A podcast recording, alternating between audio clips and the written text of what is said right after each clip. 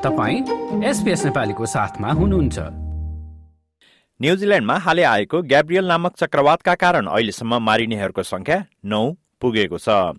त्यहाँबाट प्राप्त समाचारहरूको अनुसार हाल स्थानीय अधिकारीहरू त्यस शक्तिशाली चक्रवातका कारण विच्छेद भएको संचार र बिजुलीको संरचनाको पुनर्स्थापना गर्न लागेका छन्। यो पछिल्लो प्राकृतिक प्रकोपका कारण त्यहाँको बस्तीहरूमा बाढी आएको थियो जसले गर्दा त्यहाँको जनजीवन अहिलेसम्म अस्तव्यस्त रहेको छ। न्युजिल्यान्डको नर्थ आइल्यान्डमा रहेकी स्याली प्रिन्सले आफ्नो ज्यान जोगाउन बाढीको पानीमा पौडोदै घर बाहिर निक्लेको बताउँछिन् So we had to swim in underneath the door, which we couldn't see, and just feel round. And then we only had about that much breathing space to get one breath and find that door there. स्याली र उनको परिवार उनीहरूको घरको छतमा गएपछि हेलिकप्टरको सहायताले उनीहरूको उद्धार गरिएको थियो तर सबैजना उनीहरू झैं भाग्यशाली नरहेको अधिकारीहरू बताउँछन् आगजनी तथा आपतकालीन उद्धारका प्रमुख केरी ग्रेगरले क्रेग स्टेभन्स नामक एक स्वयंसेवी त्यस बाढीका कारण ज्यान गुमाउन पुगेको बताउँछन् It was with a very heavy heart last night that we received the news that our Murawai firefighter, Craig Stevens, who was rescued in the early hours of Tuesday from the Murawai landslide, would no longer be with us. Craig died in hospital last night, surrounded by his loved ones, after fighting valiantly till the end.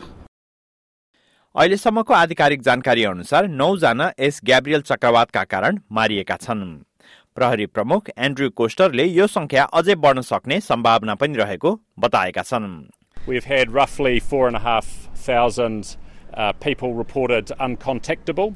And look, I, I think there's always the possibility that we will uh, find more people who have suffered in this uh, situation.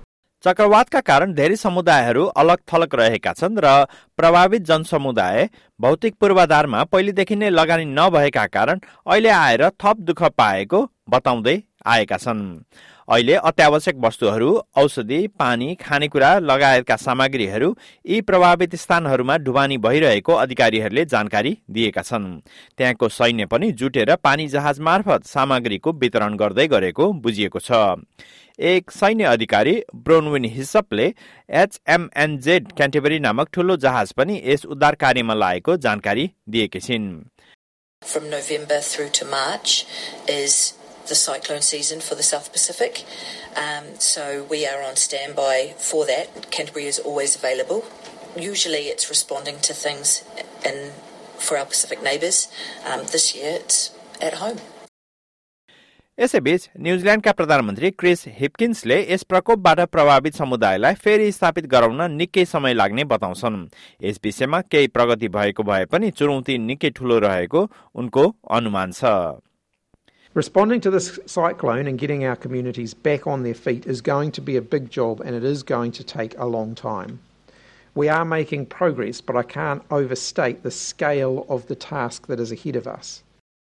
अहिले विभिन्न सरकारी टोलीहरू घर घरमा गई स्थानीयहरूसँग सोधपुछ गरिरहेको पनि समाचार आएको छ गिसबोन भन्ने स्थानमा धाराबाट आउने खानेपानी प्रयोग नगर्न पनि अधिकारीहरूले त्यहाँका स्थानीयहरूलाई सूचित गरेका छन् त्यहाँको खानेपानीको आपूर्तिमा बाढीको पानी मिसिएको बताइएको छ।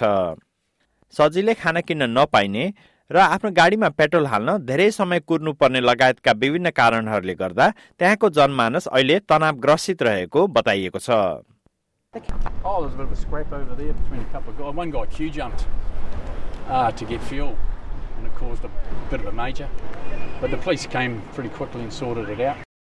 नर्थ आइल्यान्डको हक्सबे क्षेत्रमा चक्रवात ग्याब्रियलले ल्याएको बाढीका कारण झण्डै नौ हजार मानिसहरू घरबारविहीन भएका छन् प्रधानमन्त्री हिपकिन्सले विभिन्न स्थानहरूमा उद्धार केन्द्रहरू स्थापित भएको बताउँदै जति सक्दो उद्धार कार्यलाई व्यवस्थित गर्न खोजिएको जानकारी दिएका छन् Evacuation centres are still often full with people. Some of them are there to stay, but others simply to pick up supplies or to have a meal.